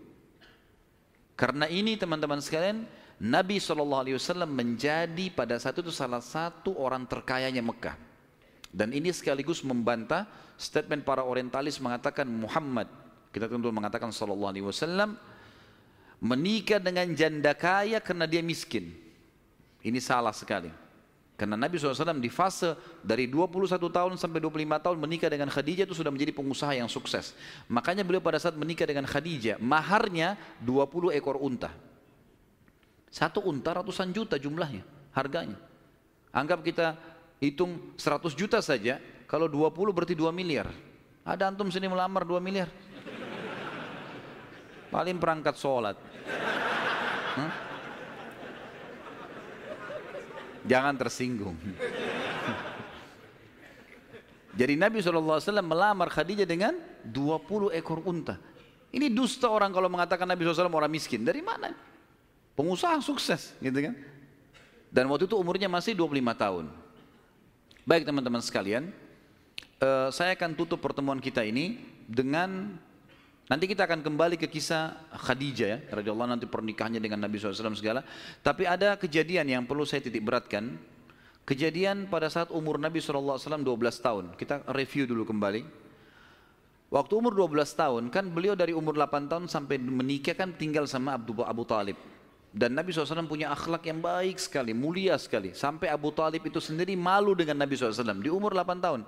Anaknya Abu Talib banyak. Kalau istrinya Abu Talib lagi siapin makan, anak-anaknya pada berebut. Nabi SAW duduk di pojok rumah. Enggak, enggak sama sekali.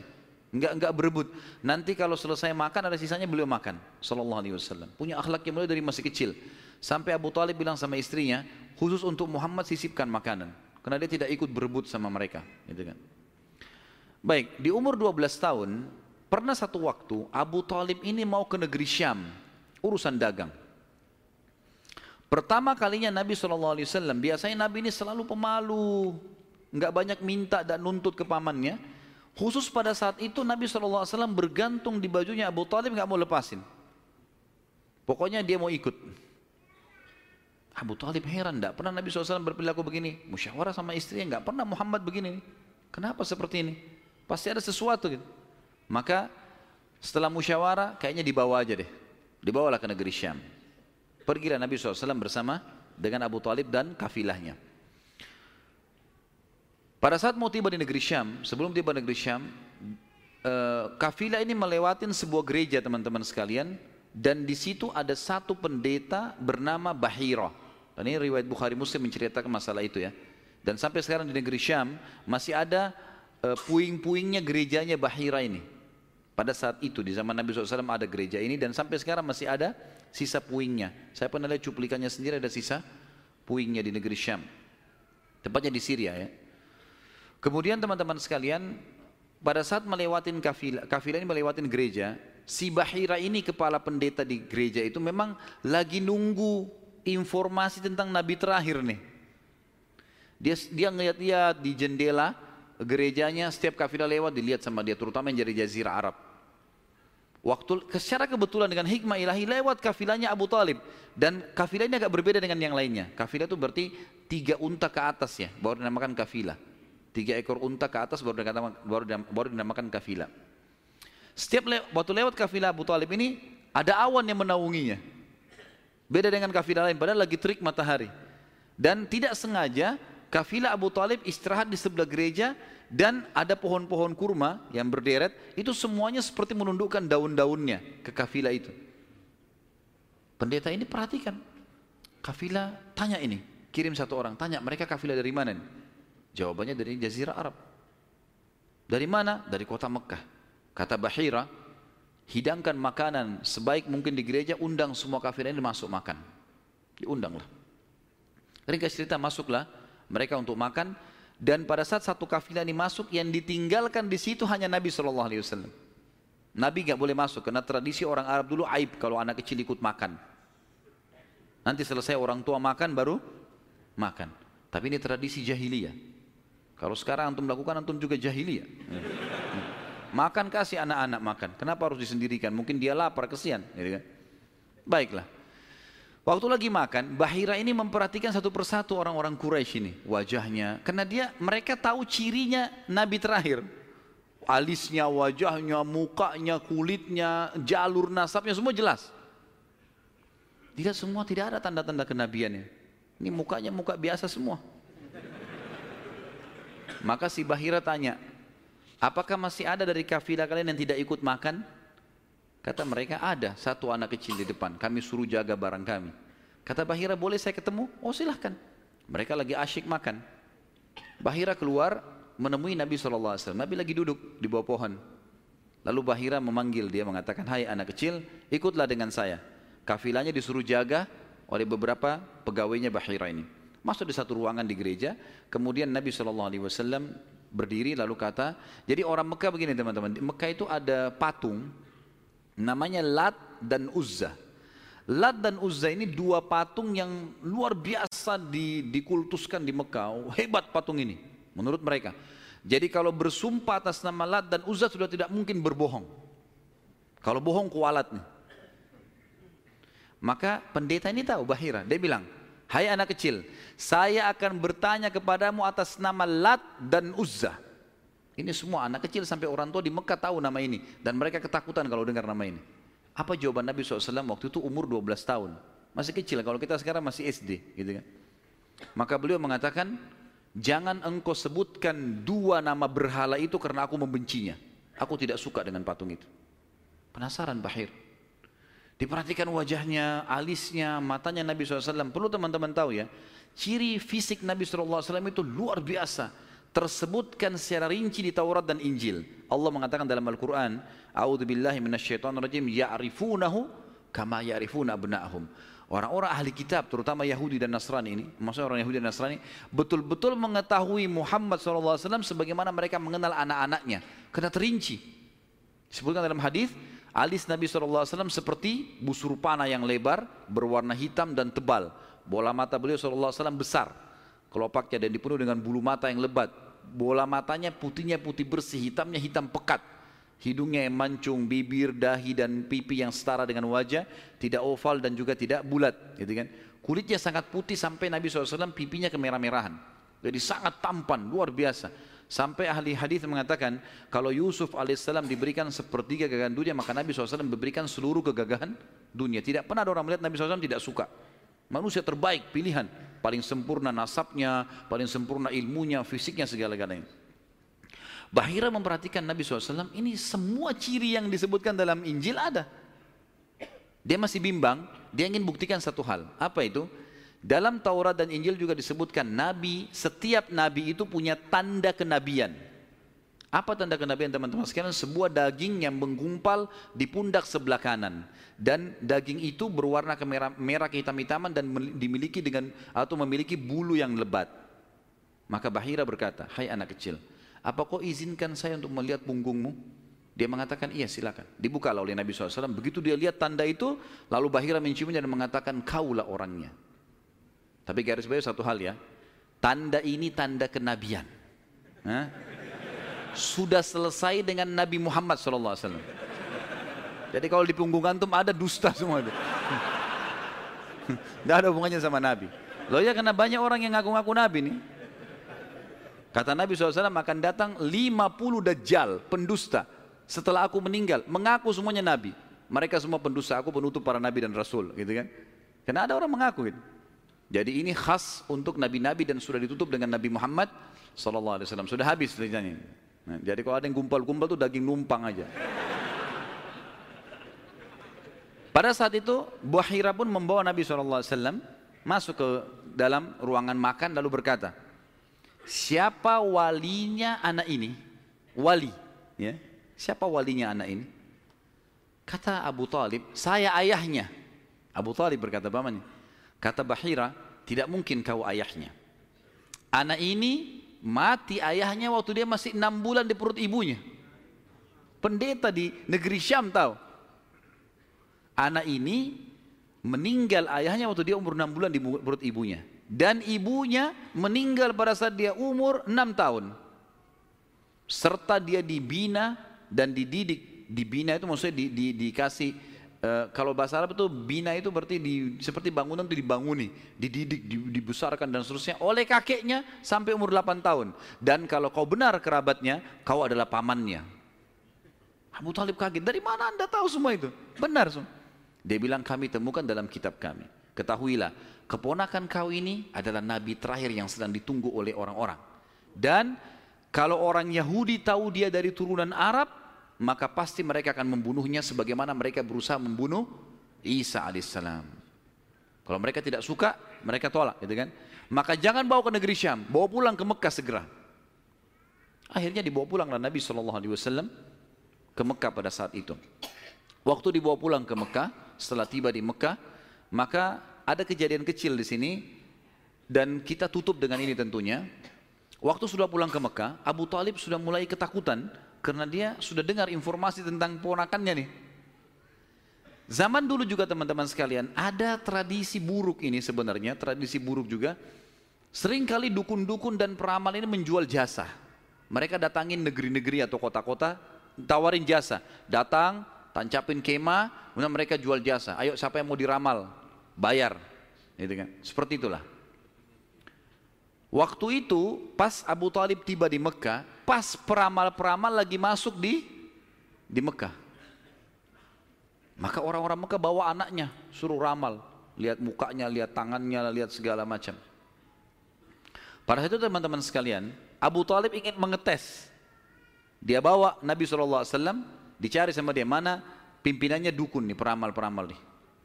Ditemukan lalu dibawa lah Nabi SAW waktu masih kecil, umur 12 tahun tadi dibawa.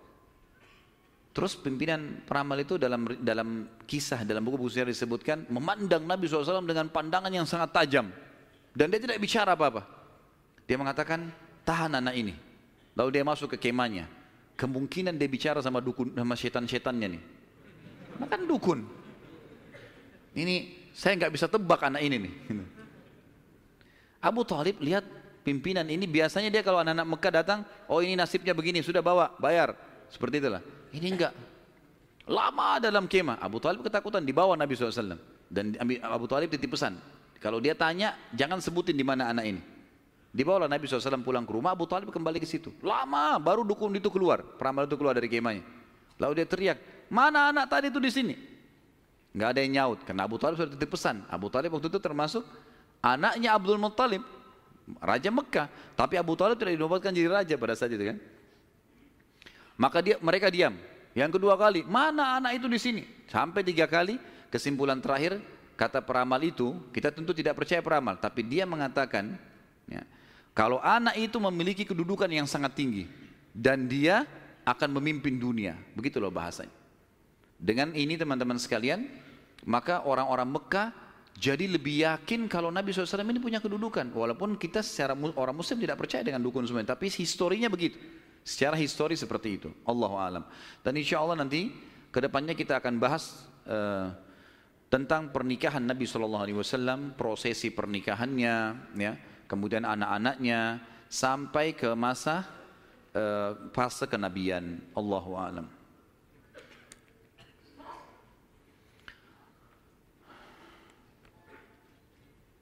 Saya akan baca pertanyaan dan saya berharap pertanyaan sesuai dengan tema teman-teman sekalian dan tolong saya datang jauh-jauh ke sini bukan untuk dites ya jadi nggak usah ngetes-ngetes ya. kalau antum sudah tahu alhamdulillah bawa ilmunya pulang ya.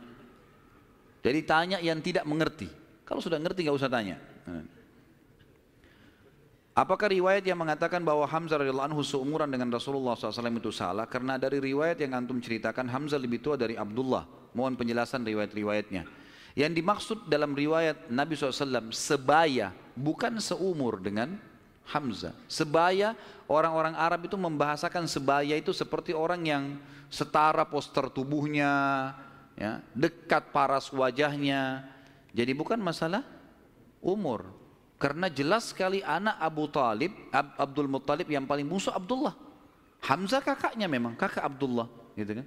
Ya itu dimaksud dengan sebaya. Makanya waktu Hamzah terbunuh di perang Uhud itu memang diceritakan sudah sudah tua gitu kan? Radhiyallahu anhum. Kalau Nasrani dulu beriman tapi kok sekarang tidak beriman kepada Allah? Tanya mereka. Hah? Kenapa tanya saya Hah? Salah pertanyaan ini. Kenapa sekarang tidak beriman kan gitu? Baiklah saya berikan gambaran saja, uh, mudah-mudahan masuk. Orang-orang Nasrani di antara tafsir Al-Fatihah yang disebutkan oleh Ibnu Abbas radhiyallahu anhu ghairil maghdubi alaihim waladdallin bukan orang-orang yang kau murkahi ya Allah dan bukan orang-orang yang sesat. Kata Ibnu Abbas, ini Ibnu Abbas hibr ummah, ini ulamanya, sahabat terutama dalam ilmu tafsir, gitu kan? Beliau mengatakan maghdubi alaihim, orang yang dimurkai adalah Yahudi. Dhalin sesat adalah orang-orang Nasrani. Lalu dirincikanlah. Kenapa Allah murka dengan orang Yahudi? Karena Yahudi tahu betul kebenaran Islam, tapi mereka nolak. Dan bukan cuma Nabi Muhammad SAW, mereka sudah menolak Nabi Isa sebelumnya. Padahal alasannya mereka nolak sekarang masuk Islam karena mereka bilang Nabi terakhir dari Bani Israel bukan dari Arab. Karena Arab kami nggak mau. Tapi ini dusta. Karena Nabi Isa sebelumnya sudah dari Bani Israel, tapi mereka tidak mau imani. Jadi dusta saja gitu. Maka Ibn Abbas mengatakan maghdubi alaihim orang-orang Yahudi. Kemudian Nasrani dhalin, Yahudi tahu kebenaran tidak mau diikuti maka Allah murka. Dhalin adalah sesat. Sesat kenapa? Sesat maksudnya apa? Orang sesat jalan berarti dia tidak punya ilmu kan gitu. Orang-orang Nasrani mau menyebarkan agama mereka tapi mereka salah. Dengan mengatakan trinitas misalnya, gitu kan? Sementara Allah mengatakan lam yalid walam yulad gitu. Dan memang dalam dalam agama dalam kelompok Nasrani sekarang ada masih ada kelompok Nasrani yang mentauhidkan Allah. Umumnya yang dapat hidayah dari mereka-mereka ini. Tapi kalau yang mengatakan Trinitas ini biasanya sudah terdoktrin dengan keyakinan itu dan Allah sudah mengatakan A'udzubillahi minasyaitonirrajim laqad kafara alladziina qalu innallaha tsalitsu tsalatsa. Telah kafir orang-orang yang mengatakan Allah itu atau Trinitas ya. Saya sarankan teman-teman, saran saya ya, Tentu saya tidak kenal orang ini, tapi saya sendiri melihat cuplikan di YouTube yang disampaikan benar. Saya tidak ikutin, belum ikutin semua serialnya, tapi saya melihat orang ini dia ahli sejarah dari Palestina dan dia coba mengangkat tentang kenapa bisa ada Nasrani yang mengatakan Trinitas dan ada yang juga masih mentauhidkan Allah. Namanya jihad turbani. Jihad turbani ini kalau teman-teman ketik insya Allah sudah ada terjemahan bahasa Indonesia. Ada salah satu serialnya dia menjelaskan tentang perpecahan Nasrani dan sebab-sebab kemudian kapan terjadi bahkan orang-orang yang mengatakan Trinitas membunuh orang-orang Nasrani yang bertauhid kepada Allah. Banyak hal yang dibongkar sama dia. Mungkin ini lebih banyak memberikan jawaban kepada penanya insya Allah. Gitu kan? Saya sarankan begitu dan insya Allah cuplikannya nggak lama, 15 menit, 20 menit gitu. Apakah Lat berhala adalah keturunan dari Abdul Manaf? Tidak pernah ada riwayat masalah itu. Allah Tanya sesuatu yang ada isinya, gitu. Karena kalau Lat nama patung, kalau mau ditanya keturunan Abdul Manaf, tidak ada sesuatu yang kita bisa ambil. Ya. Artinya tidak perlulah dia keturunan Abdul Manaf atau bukan, nggak penting buat kita gitu ya. Apakah Najasyi di zaman Abraha sama dengan Najasyi yang di zaman Nabi SAW yang menerima beberapa sahabat di Habasyah? Tentu saja bukan. Saja bukan. Yang lebih kuat pendapat mengatakan karena Najasyi kan istilah, saya sudah bilang tadi, istilah raja seperti kaisar, seperti Kisra, gitu kan, seperti Tuba. Jadi di bawah di bawah si siapa namanya Najasyi ini itu nama induknya nanti ada nama-nama orang lagi. Yang lebih kuat yang saya temukan dalam buku-buku sejarah bukan yang hidup di zaman Nabi SAW. Karena ini jauh, ini jauh di zaman Abraha. Ya, masih jauh sebelum Nabi SAW lahir malah. Allahu alam. Ya. Sudah? Baik. Mungkin begitu dulu saya teman-teman sekalian. Hmm? Hmm? Hmm? Sesuai tema enggak? Karena ada saya temukan banyak orang tidak sesuai dengan tema. Ada juga orang yang sengaja ngetes-ngetes lempar pertanyaan, sengaja ngetes, terulang-ulang. Dan sekarang itu yang banyak dipelintir-pelintir di Youtube tuh. Hah? Diambil lagi tanya jawab, dipelintir lagi, dibuat masalah lagi. Ya, untuk apa ini semua? Hah? Kalau ada teman-teman yang hadir di sini, saya nasihati bertakwa kepada Allah. Hadir majelis ilmu, niat untuk ilmu. Sudah fahamnya sudah, amalkan. Semua ada pertanggungjawaban di hadapan Allah SWT. Dan saya manusia biasa. Saya bisa salah kan gitu. Tapi kesalahan saya untuk dinasihati. Bukan untuk di, dijadikan masalah karena semua orang salah kan sahabat saja punya pendapat dua kadang-kadang Imam Syafi'i pernah punya pendapat lama dan penjabat baru eh, bukan sesuatu yang manusia bisa salah gitu kan Imam Abu Hanifah, Imam Muhammad, empat imam madhab ini mereka punya pendapat lama dan pendapat baru. Kadang-kadang diperbaiki dengan pendapat yang baru karena dulu pernah keliru. Wah, wajar saja.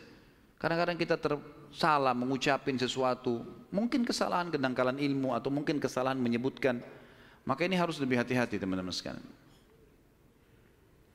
Bagaimana menanggapi tuduhan non muslim mengenai kematian Rasulullah SAW yang katanya beliau meninggal karena diracuni oleh wanita Yahudi sewaktu di Khaybar. Semoga anak ustaz yang sedang sakit diberi kesembuhan. Jazakallah khair. Amin insyaallah. Tentu kalau saya pribadi saya bukan menemukan itu pendapat Nasrani. Itu pendapat sebagian ahli sejarah muslim. Karena memang Nabi SAW nanti akan kita bahas di fase khaybar, peperangan khaybar, beliau sempat dihidangkan memang makanan racun. Dan ada satu sahabat yang memakan makanan yang sama racunnya itu lumpuh. Sahabat itu. Dan meninggal beberapa waktu setelah lumpuh. Karena ganasnya racun itu. Maka sebagian ahli sejarah muslim mengatakan Nabi SAW berkumpul pada beliau, pada beliau berkumpul pada dua hal kemuliaan pada saat meninggal. Meninggal dalam keadaan Nabi dan meninggal pada saat mati syahid. Ini istihadnya sebagian ulama. Tapi kita tidak ambil pendapat orang-orang Nasrani, ini pendapat memang sejarawan muslim. Allahu a'lam. Baik, sampai sini insya Allah bahasan kita. Dan kita akan lanjutkan nanti dengan izin Allah kalau Allah masih panjangkan umur dan berkahi. Bulan depan insya Allah masalah uh, menikahnya Nabi SAW dengan Khadijah, keturunannya, kemudian beberapa hal yang berhubungan dengan itu. Kemudian kita masuk insya Allah ke masalah fase penobatan kenabian. Insya Allah, biidnillah.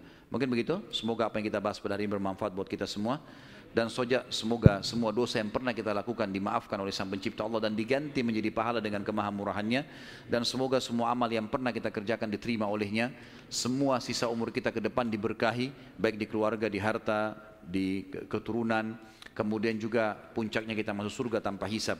Dan kita selalu mendoakan saudara kita di Palestina, di Syria, di Yaman, di Irak, di Myanmar, di Ahsa, di mana pun mereka berada sedang tertindas. Semoga Allah ikhlaskan niat mereka, terima para syuhada mereka, muliakan Islam di tangan mereka dan tangan kita semua dan semoga Allah dengan kemahamurahannya menyatukan kita semua di surga firdausnya tanpa hisap.